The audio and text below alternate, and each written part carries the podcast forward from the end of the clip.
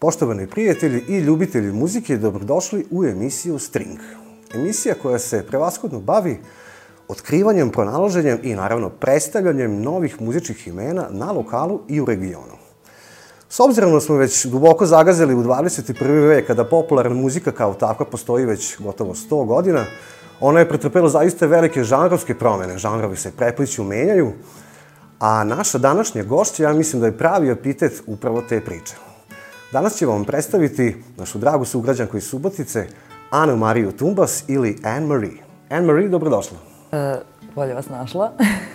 S obzirom da su ova neka luda vremena stagnacije, a opet pratimo da si ti dosta produktivna u ovo vreme, pa te se za početak moram pitati kako se osjećaš. Znam li si učela imala isto neko snimanje? A, e, da, ne znam. Ja ne bih rekla da sam produktivna uopšte, ali da, nekako ispada tako. To, to možda ti misliš, ali ono što možemo naći ovaj, dokazuje suprotno. Jeste, da. Pa, mislim, ja radim kad, ono, ako saberem sve da u godini dana, recimo 350 dana ne radim ništa i onda onih ostalih par ovaj, uradim sve i onda je to otprilike to što možete da vidite kad nešto izađe novo. Da, uglavnom, e, zapravo ne radim baš mnogo. Dobro, to je opet što kažem, mišljenje su ovaj, uvek... Da, da, to je moje ono, e, subjektivno mišljenje. Za početak samo da objasnimo, uh, ti neguješ taj koncept uh, one man show, u ovom slučaju one girl show, što znači da si uh, solo izvođaš, to je skant autor, sama sviraš, samo sebe pratiš, samo sebe snimaš i produciraš. Jeste, sve radim sama. Kaži mi, da li je to odluka iz neke poruke ili jednostavno jedna nova sloboda koju si možda našla? Pa to je prvenstveno bila odluka iz, iz e, potrebe, jer jako je teško bilo sastaviti neku ekipu. E, I mislim, to je više verovatno zato što smo sad već svi malo i odrasli, pa imamo neke druge obaveze, kao nije kao pre lako. Tako da manje više imam još e, dva, e, e, kako se kaže, dvojicu kolega koji sviraju sa mnom ponekad, Dragan Vidaković i Aleksa Otašević, ali ponekad samo kad mogućnosti. U pitanju je grupa Strawberries, je li? Strawberries, e, to moram da pojasnim, ja više nisam Anne Marie. Znači, Anne Marie je zamenila, to je Strawberries je zamenila Anne Marie u potpunosti. Anne Marie više ne postoji. Anne Marie je mrtva. long, live, long live the strawberries. Tako je. Tako da ovaj strawberries sam ja kao kant autorka i naravno band kad je band i sve što ima veze sa, sa tim što ja radim je strawberries. Strawberries definitivno nije jedini band eh, s kojim si se razživjela. Dobro, o tome ćemo malo pričati, ali što kažu, za početak da krenemo od nekog početka, ako mogu tako da se izrazimo. Ovaj, e, većina muzičara, ne svi, svoje neke korene neguju u nekim da li muzičkim institucijama, da li su im roditelji bili muzičari ili stričevi ujaci, sve jedno. E, tvoja priča je onako, kako bih rekao, pola u jednom svetu, pola u drugoj. Ti si jeli pevala, naravno, kao i dosta njih u osnovnoj školi u, u horu. Isto tako si ovaj, se bavili modernim plesom i čak si osvajala neke nagrade, čak si bila i instruktor plesa za manekene, ako se ovaj, ne vram, ali u svakom slučaju od početka si bila u nekim granama umetnosti. E sad, kad se muzika ovaj, u tebi otkrila, ako mogu tako da se izrazim? Pa ja mislim da se muzika prva i otkrila, samo što, naravno, kao dete sa ono, od 3-4 godine nisam imala baš prilike da se bavim muzikom. Kao i većina djeca. Da, ali ovaj, volela sam da pevam od uvek. E sad, to je zanimljivo što si rekao, kao uvek neko vuče neke korene, da li iz porodice, da li iz ovog onog. Recimo, kod mene to ne postoji eventualno nekad pomislim, mislim, ovaj, od mog dede da sam možda nasledila, on je jako voleo da peva, tako te neke ono, staro gradske pesme. I, ovaj, I on je jedina osoba u mojoj čitoj familiji koja se ja sećam da zapravo kao nešto, naš, radi u bašti pa pevuši, pa kao to je meni bilo super. A ovaj, e, pa da, manje više je zapravo i krenulo tog hora, znači u osnovnoj školi. I tu sam trebala i na klavir. Zapravo tu je kao neko prepoznao, ta nastavnica moja je prepoznala kao da imam neki talenat.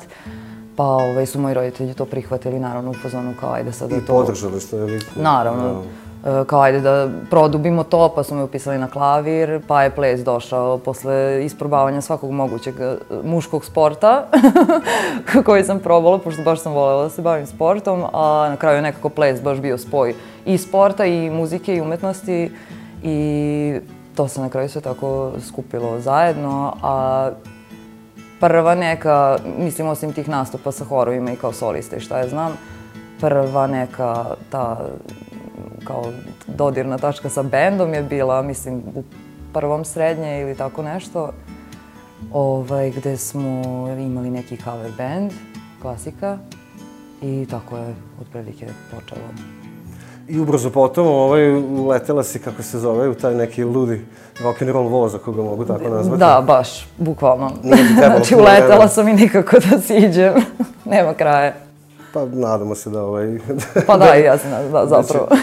I sad kaži mi, uh, iz ove perspektive, dobro, nisi ti, mislim, ti si ono, mlada i vrlo talentovana, uh, koliko su sada bitni, u stvari, ti, ti koreni sada, recimo, kad pogledaš koliko, koliko si i ti i muzika evoluirali ovo tog perioda, šta je ono što ostaje onako kao neka iskra, šta je ono u čega se to širi, ako možemo tako reći?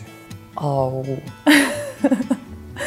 pa, ja ne znam, to je, to je, to je kao, mislim, to je, ja mislim, ljubav, bukvalno, jedino. To je, mislim, sve što imam da kažem u vezi toga i mm, baš sad e, često pominjem u poslednje vreme kako često se zapitam zašto ja ovo radim i kome i čemu i mislim šta, šta se dešava. Ali ovaj svaki put kad pomislim da ok, sad ću da odustanem jer ne znam u čemu je poenta, ovaj, shvatim da ja to moram da radim. Znači ja jednostavno moram i potpuno mi je nebitno da li to ima smisla nekome drugom ili nema. Kao vazduh. Znači to je jedina stvar za koju znam sasvim sigurno u ovom potpuno sam nesigurnom svetu i, i svemu što se dešava da je to jedina stvar koja je sasvim sigurno e, nešto što ja moram da radim. Potreba koju ne treba objašnjavati, Da, mislim, apsolutno. Ne, ne bih ni znala da objasnim. znači ljubav. Ljubav. Ljubav.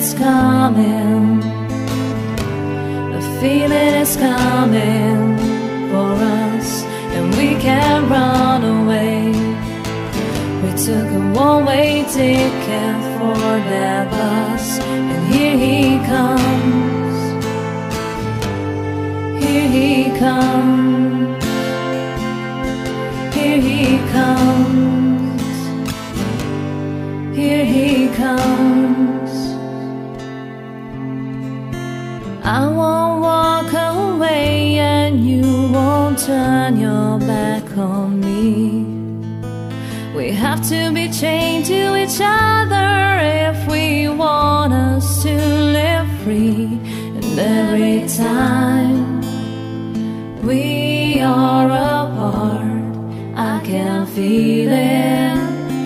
The take inside of my heart. Can you feel it? They call it love.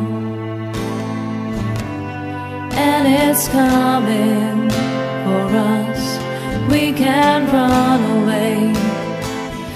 took a one-way ticket for that bus, and here he comes.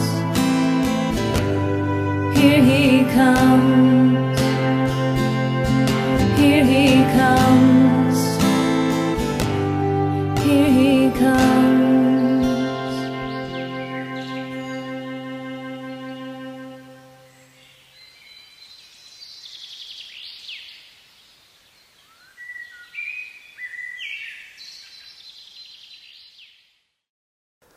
Pričali smo o nekoj eh, hronologiji muzike i pokušali da nađemo neku vezu između kada jedan pojedinac eh, prati stilove u muzici, recimo jedan eh, mladi čovjek ili žena koji proučavaju stilove koji su recimo stari 50 godina. Oni to doživljavaju kao tinejdžeri. E, od, od kog stila si ti faktički krenula kada je ovo baš počelo da bude ozbiljno, tvoje bavljanje muzikom? To je, ja mislim, bio The Subfaces, ili tako, jedan elektronski eksperiment. Jeste. Jeste. Uh, mislim, moram pre toga da spomenem, znači, dok sam bila, kad sam bila mlađa, ovaj, to je ono klasika, znači šta slušaju moji roditelji, to slušam i ja, a to je uglavnom bio neki taj, ono, ne znam, magazin, Doris Dragović, Riblja čorba i Domaći, tako dalje, domać, tako je. Tako da ovo u suštini ja mislim da je sve to povezano. Na kraju ja sam ja kao završila kao neki rocker. Ovaj, a da, The Subfaces je mm, mm, bio moj potpuno prvi dodir sa elektronikom. Ja elektroniku apsolutno nisam mogla da podnesem. Meni je to bilo je kao kakva je elektronika. baš- Jeste. ovaj, ali da, to je nešto bilo kao sasvim slučajno da smo se Poli i ja zapravo upoznali u tom rock, da kažem, bendu, gde, ovaj, gde je on već uporedo sa tim radio tu neku elektroniku i ništa, trebalo je snimiti neku pesmu, ja sam to uradila, to je ispalo super. I kao, ajde da nastavimo sa tim, tako da, eto, mislim, snimali smo dosta stvari. I to mi je zapravo i prvi dodir sa nekim kao autorskim radom, znači vezanim za muziku, pošto pre toga sam uglavnom pisala pesme i poeziju i šta ja znam. Izvini, mogu da prekreći, Igor Anderić Pole, on je u stvari DJ, jeli? Da. E, mislim, time se bavi. Njemu je trebao ovaj, jedan e, ženski vokal da upotpune neki svoj mikser. Tako je. E što je opet i tebi, s one strane stakla studijskog dalo jednu potpuno slobodu, ili tako? Jeste. Pa da, ja sam na kraju ovaj pisala sve te tekstove, u suštini to je neki bio kao prvi autorski rad, da kao nešto sad e, se tu stvara. Ovaj, I trajalo je to, sad ne mogu ni da se setim koliko dugo, ali ovaj, Dovoljno dugo. dovoljno dugo. Da, mislim imali smo dosta nastupa i bilo je to zanimljivo i tu sam ja otkrila da kao to kao neka, neki duo, kao dvojka, kao dvoje ljudi sa, sami mogu zapravo i mnogo lakše i da se kreću i da nastupaju i bilo je, bilo je zabavno dok je trajalo. Dobro, ali što kažu, ovaj, e, sva evolucija, svaka evolucija mora da ima svoje stepene, ili tako? Tako je. Sljedeći stepen, s obzirom da si onda radila u ovoj jednom duetu, e, bio je jedan malo veći ansambl, ili tako? Malo Wooden. Ambulance. Wooden Ambulance jeste, uh, i dalje, i dalje sam sa njima, i oni sa mnom, valjda. Ovaj, da, Wooden Ambulance je imao, ja mislim, već osam članova kad sam ja tek došla tamo, uh, međutim, to se nešto brzo i promenila neka postava, ali da, uvek je bilo između sedam i, i, i sedmoro i devetoro ljudi kao konstantno. Ovaj, I da, to mi je bilo jako zanimljivo, pošto nikad Jer nisam... žanrovski je potpuno drugačiji band, to je Potpuno. poet rock neki, ili već kako bi Pa ga da, mislim, mislim to što da da kažu žanrove, ali- Amerikana, e, što je da, meni onako isto bilo kao potpuno, ja nisam ni znala šta je to Ameri, šta je Amerikana, šta to znači, sad uopšte razumeš. Ovaj, I da, mislim, lepo mi je jako sa njima da radim zbog tog baš timskog e, rada i taj osjećaj kao ono porodica i kad putujemo negde, e, to mi je uvek najdraže bilo, znaš, to putovanje na svirku i nazad i ta priča i Dosta kao... spotova je snimljeno baš sa tih ovaj putovanja. Jeste, jeste. Ove, tako da da, to je, to, je, to je nešto što i dalje traje i nadam se će da traje još. Ja, da, jedan novi osjećaj ovaj, jednog Uh, jedno porodične veze između grupe muzičara koji dela ista mišljenja. Mislim da jedan muzičar ni ne može da poželi ovaj, ništa, ništa bolje. Pa Ali opet i to je, kad govorimo o nekom evolucijskom procesu, Nisi se ti ovaj, naravno tu zaustavila, posle si sarađivala i sa nekim e, drugim e, polupoetskim i poetskim bendovima, kao recimo Zli jezici, Da. Sputnik. Zli jezic je moj najdrži bend, inače. To sam, ovaj, to sam rekla u svakom dosadašnjem intervju, a istina je. Ovaj, najdrži u smislu, eh, mislim, osim što naravno opet svi se znamo, svi se poznajemo i družimo se, ovaj, baš to što su zli jezici stvorili, da ne kažem stvarali, stvorili, nažalost samo mm, taj, je, dobro, jedan album i mislim par možda nekih hipija da je bilo posle, ovaj, je meni onako jedno umetničko delo fantastično. Znači, jako mi se sviđa taj spoj te i tu je i elektronika i živa svirka i ta poetika, ono, Mimina i njegov izražaj sam i to što kažu bunjevački punk, što je kao svima smešno, zapravo najbolji ikada opis ičega na svetu, bunjevački punk, vrh. Ovaj, tako da to mi je onako baš nešto, e, jako mi je drago što sam učestvovala u, u tom m, projektu. To je kao neki vrhunac improvizacije, stvari, ta Pa, njihova muzika, u stvari. Jeste. Naša. Naša. Jeste. I druga stvar, opet što ja tu nisam kao imala ulogu klasičnu koju sam imala do sad, kao to e, vokal, znaš, glavni ili kakav god, nego kao nešto malo isviram, pa tu neki efekti, to mi je opet bilo novo. Znači, manje više, iz svakog u svaki bend e, ja nešto novo zapravo učim kroz to i onda naučim nešto novo i to mi Kao neka isto... muzička glumica, u stvari, u svakom projektu menjaš uloge. Pa da, da. koje su ovaj, nekad gladne, nekad sporadne, ali tako Pa se da, ali kao- neki dijapazon i iskustvo za Tako je, tako je, jeste, to je, ovaj, jako mi je vredno bilo to iskustvo. I da bi na kraju jeli sa taj neki hronološki levak ovaj počeo, mislim, govorimo o sadašnjem vremenu, se sužava. E, posle zih jezika i, i Sputnika, ne znam, ako nešto što hoćeš o Sputnik saradnje da pomeneš, to isto... E, Sputnik, pa mogu jedino da kažem, ovo je ono što Sputnik, e, nije Sputnik isto band, zapravo Sputnik postoji, ja mislim, Još od- odavno, odavno, tipa od 90-ih, ako se ne varam, sad neću da ovaj, grešim dušu, ali, ali u suštini da, mislim, taj bend je funkcionisao tako da smo mi samo snimali zapravo kao studijski materijal, nismo imali nastupe i zapravo da, bend kao takav nije postojao. Eh, a u nekom momentu se to sklopilo, znači došao je pored Žikice Miloševića i mene, došao je eh, gitarista jedan, pa drugi, pa sad već ne sjećam se, tu isto bilo dosta promjena.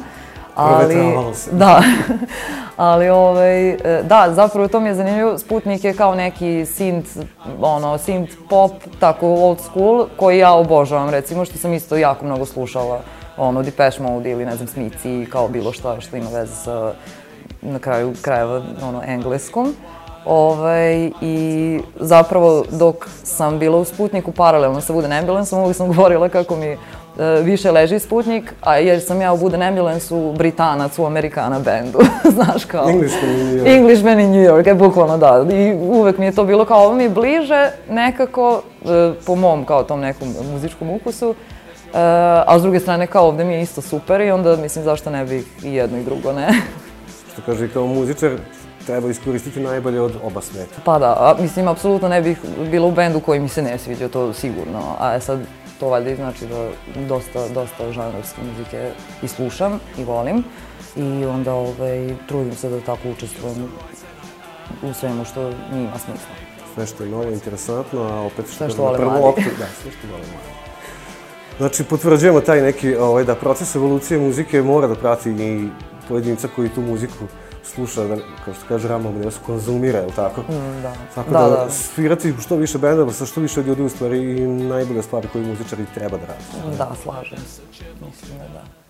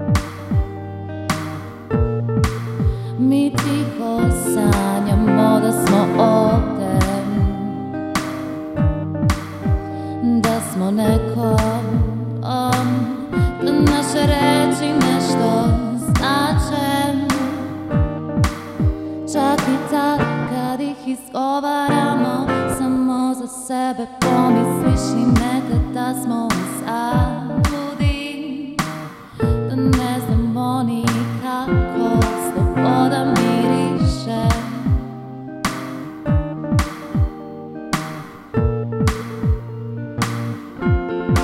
Da je sve baš onako kako izgleda A duše bi da se bore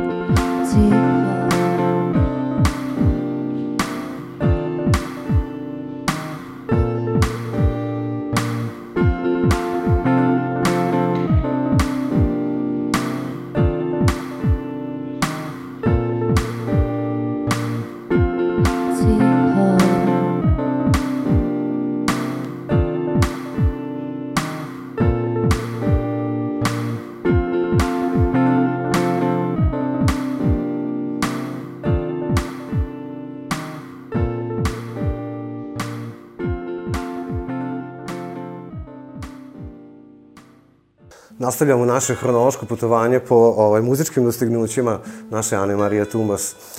E, stali smo do bendova. I kada bi nastavili priču, e, umeđu vremenu desila se, kao i do sada, e, jedna promjena. Ti si odlučila da ansamble i saradnje sa muzičarima e, zameniš saradnju sa samim sobom. Sa samom sobom, da se ovaj, izrazim. I bilo je tu i puno festivala, i Embuš festival, i posle si i putovala. Da li možeš nešto kratko o tome? E, ne znam da li može to kratko da bude. Mm, Onda molim te, nemoj.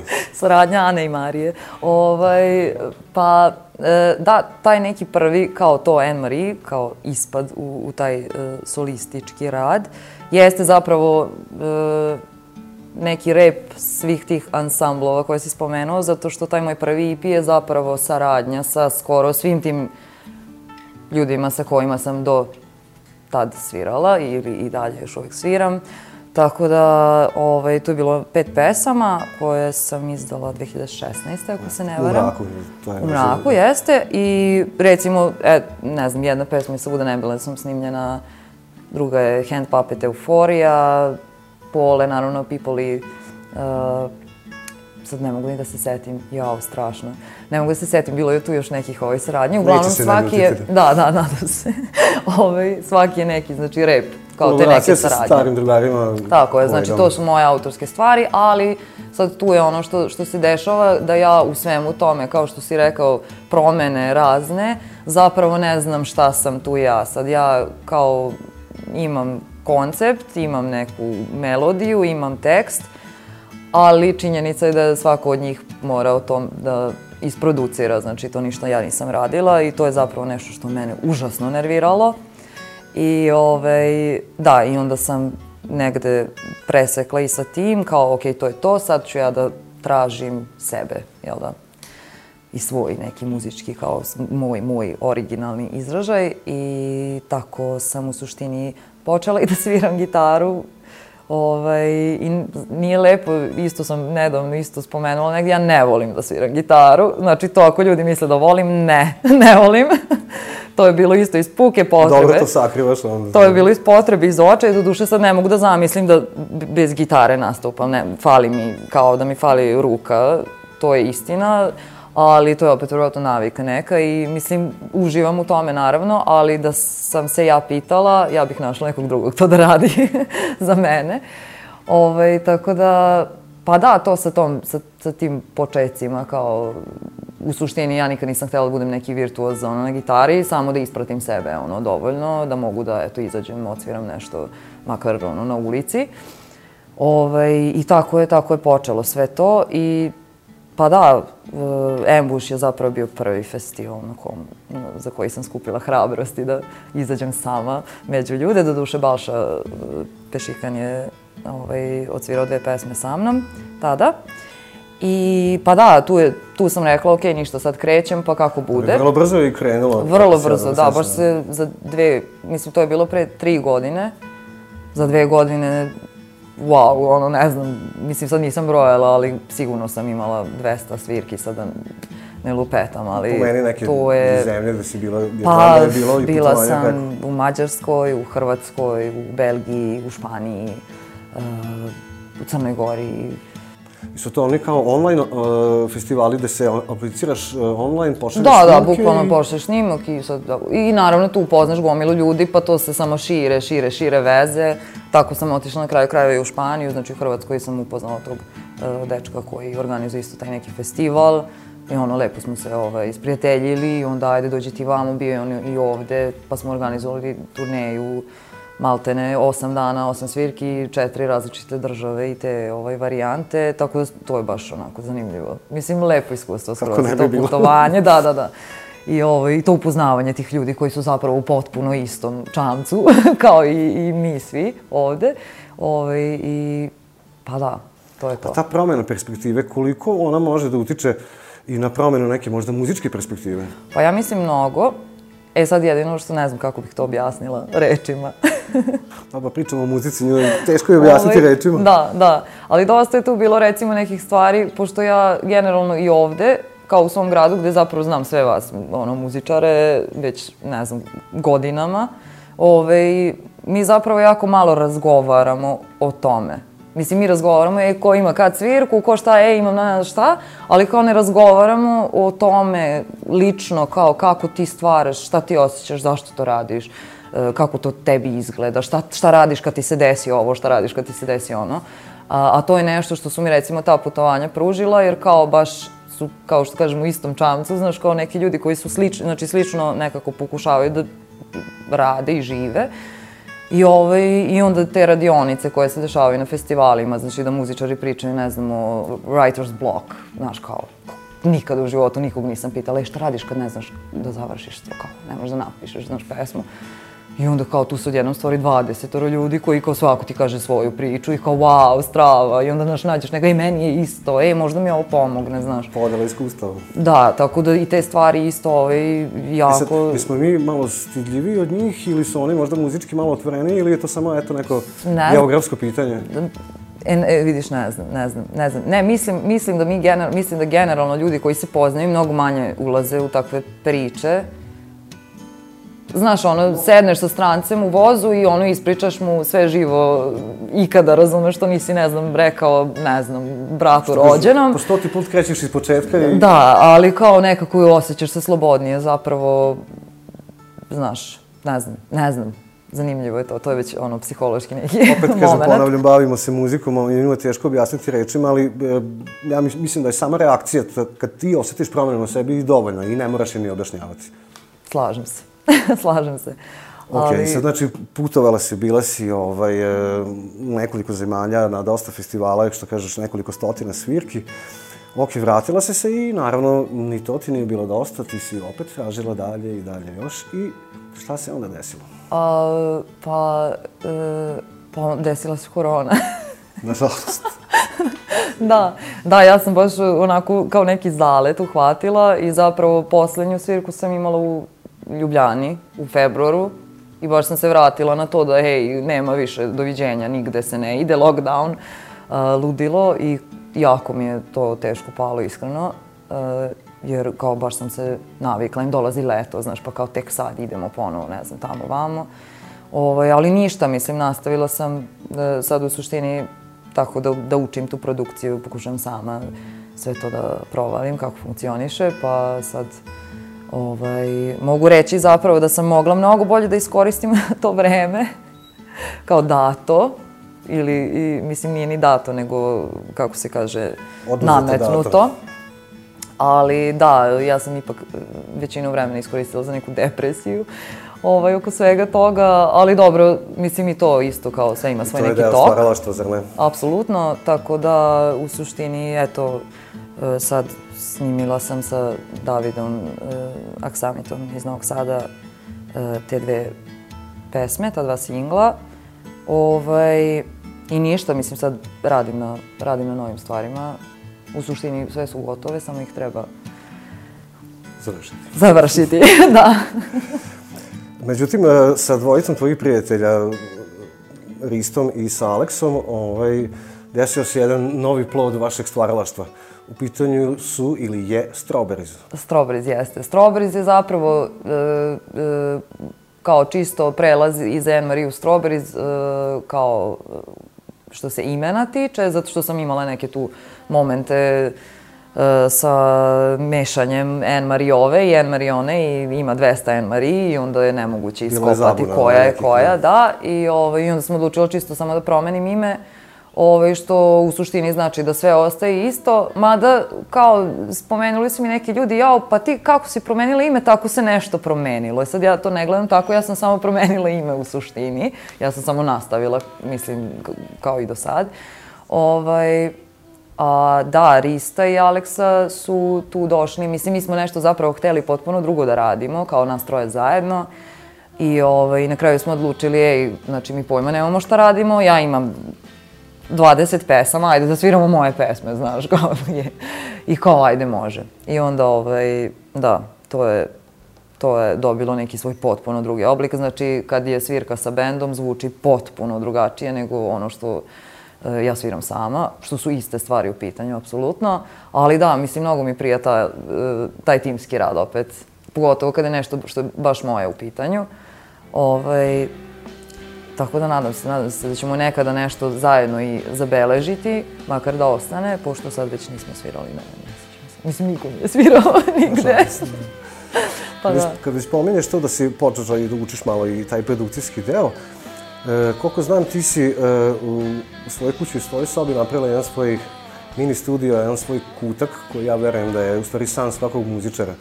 Da li je to tvoja ono, oaza, meka, medina ili već Kako da. je naziv? to je moj ćošak. kad kažem ja jako volim kad mi neko kaže mašu ćošak. Pošto moj ćošak je zapravo moj studio.